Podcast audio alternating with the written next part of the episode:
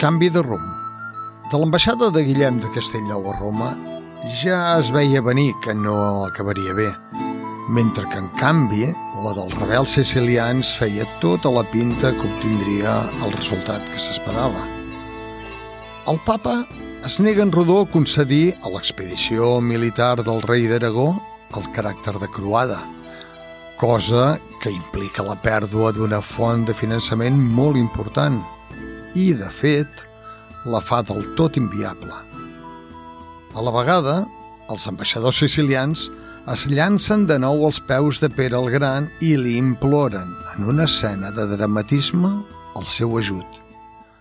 Tal com ho presenta Montaner, Pere el Gran no té cap altra opció que abandonar les costes de Tunísia i el seu projecte de croada, més fingit que no pas real, per saltar sobre Sicília i posar-se al capdavant dels rebels que s'havien sublevat contra Carles d'Anjou.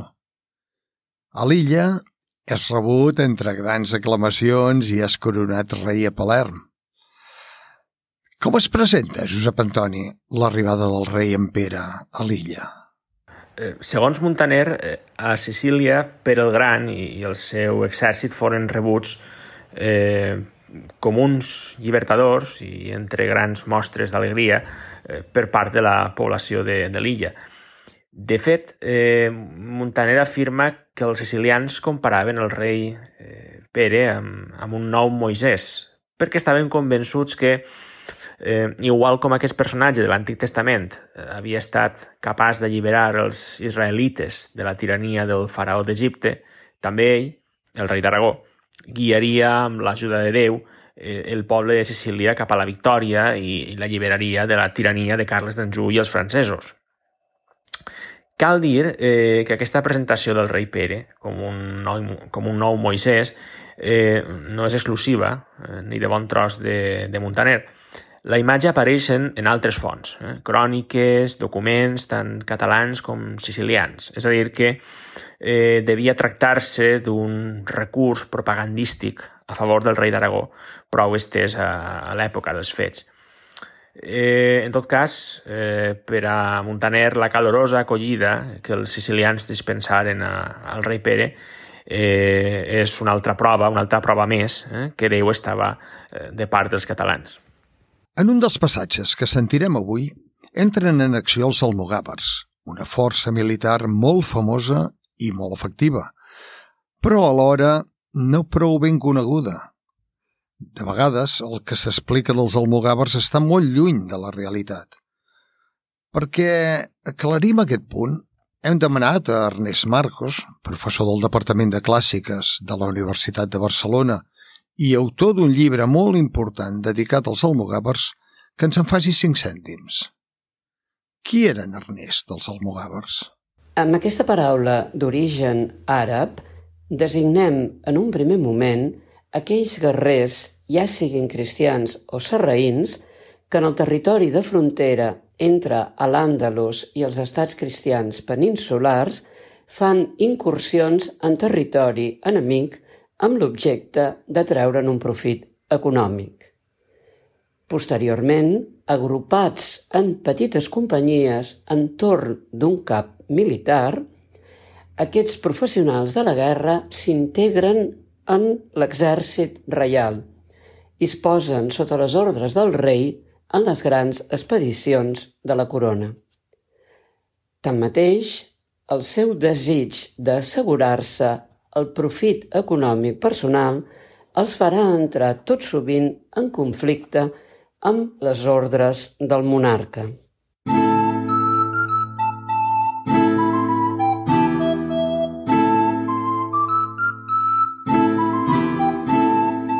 Quan el senyor rei va veure aquests fets eh, tan excel·lents i tan positius en benefici de tota la cristiandat, va decidir enviar com a ambaixador al papa el noble en Guillem de Castellnou, que era un home molt notable de Catalunya i, a més, parent seu.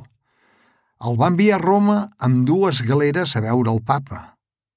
Les ordres que li va donar van ser que s'embarqués de seguida, agafés el camí de Roma i no s'aturés en lloc fins que no fos amb el papa, i que, com fos davant seu, els saludés de per seva, a ell i a tots els cardenals, i després que li pregués, de part seva, que convoqués el seu consistori perquè els volia dir algunes paraules, a ell i als cardenals de part del senyor rei. I quan això fos fet i tots estiguessin reunits, ell saludés una altra vegada el papa i tot el col·legi de cardenals de part seva, i els parlés així. Pare sant, el meu senyor, el senyor rei d'Aragó, us fa saber que ell és a Barberia, en un lloc que es diu el Coll, i creu que, a partir d'aquest lloc, es pot ocupar tota la Barberia, si vos, pare sant, li voleu donar suport amb diners i amb indulgències. I la major part d'això es pot fer realitat molt aviat. Què us diré? Que abans no hagin passat tres mesos, ell preveu ocupar la ciutat de Bona, de la qual Sant Agustí va ser bisbe, i després la ciutat de Gíger. I quan hagi conquerit aquestes dues ciutats, que són a la costa, prop del coll, l'una a llevant i l'altra a ponent, podeu estar segurs que es farà seves totes les altres ciutats de la Marina en ben poc temps. I la Barberia és un país de tal mena que qui domini la costa en conquerirà tota la resta. I els seus habitants són gent que tan bon punt s'adonin de les dificultats que se'ls acosten, la major part es faran cristians. Per això, pare sant, el senyor rei us requereix, de part de Déu, que li concediu aquests dos ajuts tan solament. I ben aviat, si a Déu plau, la Santa Església haurà augmentat tant les seves rendes que ja no tindrà necessitat de demanar préstecs a ningú, que ja veieu el rei en Jaume, el seu pare, de quanta renda ha fet augmentar el patrimoni de la Santa Església, sense que rebés cap ajut a canvi. Per aquestes raons, pare sant, us demana i us requereix això, i que el concediu sense trigar gens ni mica. I si per ventura ell us responia... Per què no va dir això als ambaixadors que li vam enviar a Catalunya? Vos li respondreu. Perquè no era el moment adequat perquè descobrís les seves intencions, ni a vos, pare sant, ni a ningú més, perquè havia jurat i havia promès als ambaixadors d'en Bocaró que no ho revelaria a ningú. Per aquesta raó, pare sant, això no us ha de saber greu. I si per ventura ell no us volia concedir cap socors, vos us queixareu de part nostra, i en la queixa li direu que, si no ens envia l'ajut que no es li demanem, per culpa seva ens n'haurem de tornar a la nostra terra, que bé sap ell i tothom que no tenim prous diners per pagar durant molt de temps una empresa d'aquesta mena. I afegiu a la queixa que Déu també li ho demana, perquè ha de saber que nos tenim la intenció, si ens concedeix l'ajut que li demanem, de dedicar la resta dels nostres dies a augmentar la santa fe catòlica, especialment en aquelles terres on ara hem vingut. Us manem també que us ocupeu d'aquesta ambaixada tan ràpidament com pugueu. Senyor, va respondre el noble en Guillem de Castellnou. Bé entès això que m'heu manat, que digui i que faci, i amb la voluntat de Déu jo ho compliré de tal manera que vos n'estareu satisfet. I penseu a donar-me la vostra benedicció i la vostra gràcia, que jo us encomano Nostre Senyor perquè us defensi, us guardi i us doni la victòria sobre els vostres enemics. Tingueu en compte, però, Senyor, que teniu al vostre voltant altres nobles que parlen molt millor que jo i que també podríeu fer servir com a ambaixadors. I jo agrairia molt més a Déu i a vos que en la situació en què ara us trobeu jo no em separés del vostre costat. Que tots els dies veig que us arrisqueu molt i em fa patir molt no poder estar a prop vostre. El rei va començar a riure i va dir «En Guillem, jo estic del tot segur que més us plauria quedar-vos que no pas anar-vos-en, perquè respecte al plaer que, segons vos, experimentem en la pràctica de les armes, sou un súbdit que l'experimenta tant com el seu senyor. I nos ens fiem tant de vos que pensem que en aquesta ambaixada, i en qualsevol altre fet de més envergadura, ens fareu millor servei que cap altre baró dels nostres. Afanyeu-vos, doncs, a anar-vos-en, i que Jesucrist us guiï i us torni a nos sa i alegre. I aleshores Guillem de Castellnou es va genollar i li va voler besar els peus, però el senyor rei no ho va permetre, sinó que el va fer aixecar i li va donar la mà. I després de besar-li la mà, el senyor rei el va besar la boca. I de seguida es van preparar dues galeres ben armades i Guillem de Castellnou hi va embarcar i va donar l'ordre de salpar. Que Déu el porti a bon port. Ara el deixaré estar i tornaré a parlar del senyor rei i dels grans fets d'armes que tots els dies es feien al coll. Un dia, tots els serraïns van decidir acostar-se en ordre de batalla a la vestida del comte de Pallars, del tot decidits o bé a perdre la vida lluitant tots plegats, o bé a ocupar la vestida. I mentre estaven preparant l'ofensiva, un serraí que havia nascut en el regne de València va anar de nits al campament del senyor rei i li va dir Senyor rei, estan muntant un gran atac. I el senyor rei li va dir Quin dia ho volen fer? Senyor, Va dir ell.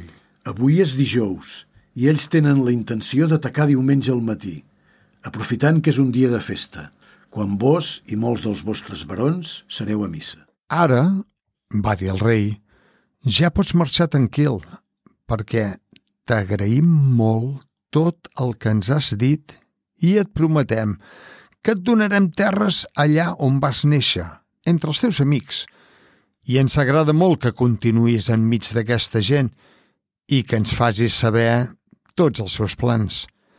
I dissabte a la nit torna amb nosaltres per revelar-nos tot el que hàgim planejat, Senyor, va dir ell. estigueu segur que estaré al vostre costat. I el senyor rei va manar que li donessin 20 dobles d'or i se'n va anar a manar a les escoltes que es feien cada nit i a les guaites que cada cop que el serraí se'ls acostés i digués el fàndec, perquè era nadiu de la vall del fàndec, el deixessin anar i tornar sense entrebancs.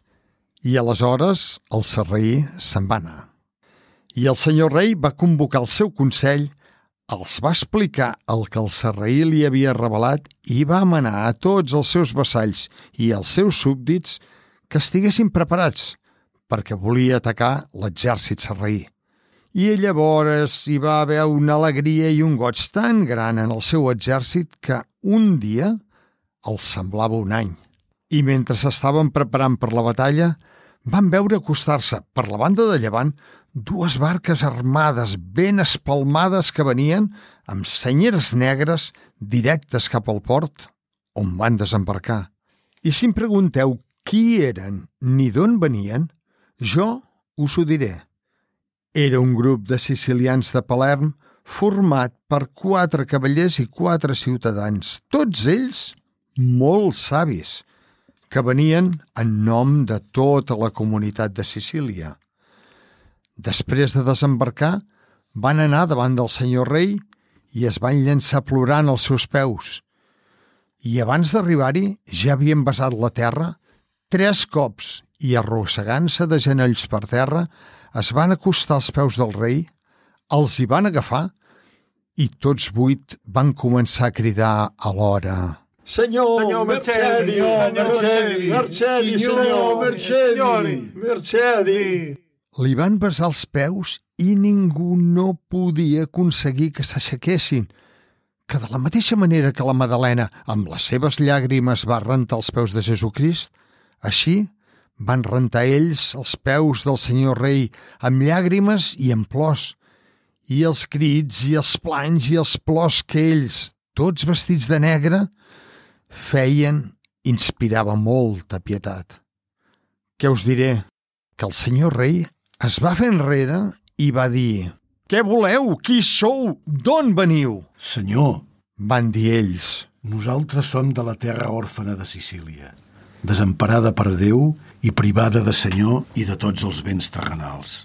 Els seus tristos habitants, homes, dones i infants, miserables i afligits, estan condemnats a morir de forma vil si vos, Senyor, no els ajudeu. Per això, Senyor, recorrem a la santa i reial majestat vostra en nom del poble orfe per demanar-vos mercè i per pregar-vos que tingueu la bondat i la gràcia, seguint l'exemple de la santa passió que Crist va sofrir en la creu per la redempció del lignatge humà, de tenir pietat i compassió d'ells, i que els ajudeu i els allibereu del dolor en què viuen. I això, Senyor, ho heu de fer per tres raons. La primera, perquè vos sou el rei més sant i més just que hi ha en el món.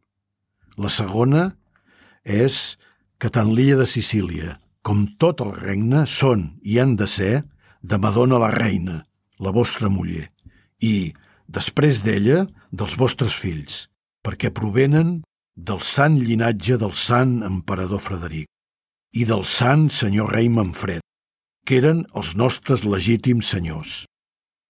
I així, segons Déu, Madonna la reina Constança, la vostra muller, ha de ser la nostra senyora, i després ho han de ser els vostres fills, que també són els seus fills.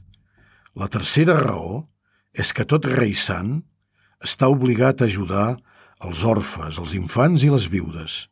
I com que l'illa de Sicília és gairebé viuda des que va perdre un senyor tan bo com el sant rei Manfred, la podeu considerar com a tal. I els pobles de l'illa són tots orfes, perquè no tenen ni pare, ni mare, ni ningú que se'n preocupi si Déu i vos no els ajudeu. I les criatures innocents de l'illa, que estan condemnades a mort, són com infants de pocs anys que no saben com solucionar els seus problemes.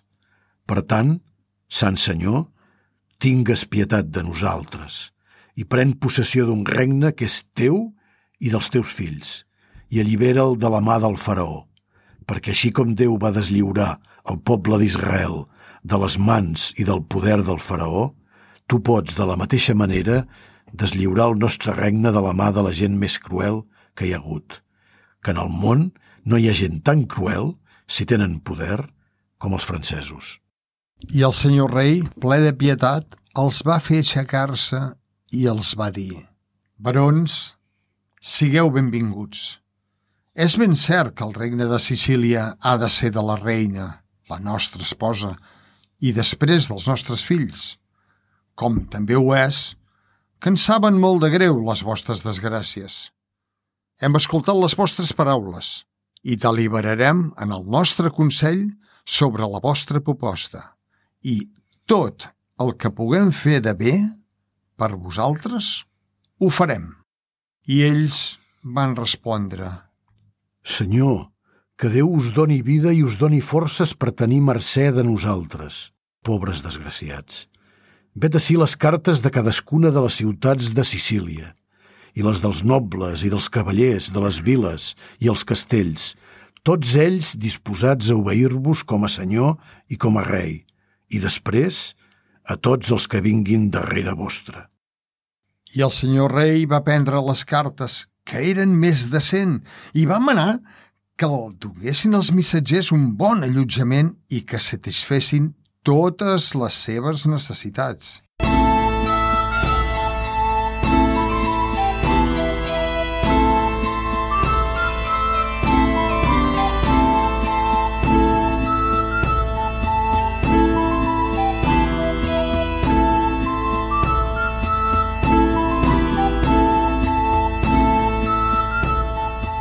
La gravació que acabeu d'escoltar s'ha enregistrat al Laboratori de Fonètica de la Facultat de Lletres i a l'Estudi de Ràdio de la Facultat de Turisme de la Universitat de Girona.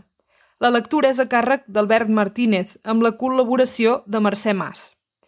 David Fernández s'ha encarregat de la taula de so i Glòria Ribugent del muntatge. La traducció del text al català modern és de Xavier Renedo i Josep Antoni Aguilar. La gravació ha comptat amb el finançament de la Institució de les Lletres Catalanes, la Diputació de Girona i el Grup de Recerca de Literatura Medieval de la Universitat de Girona.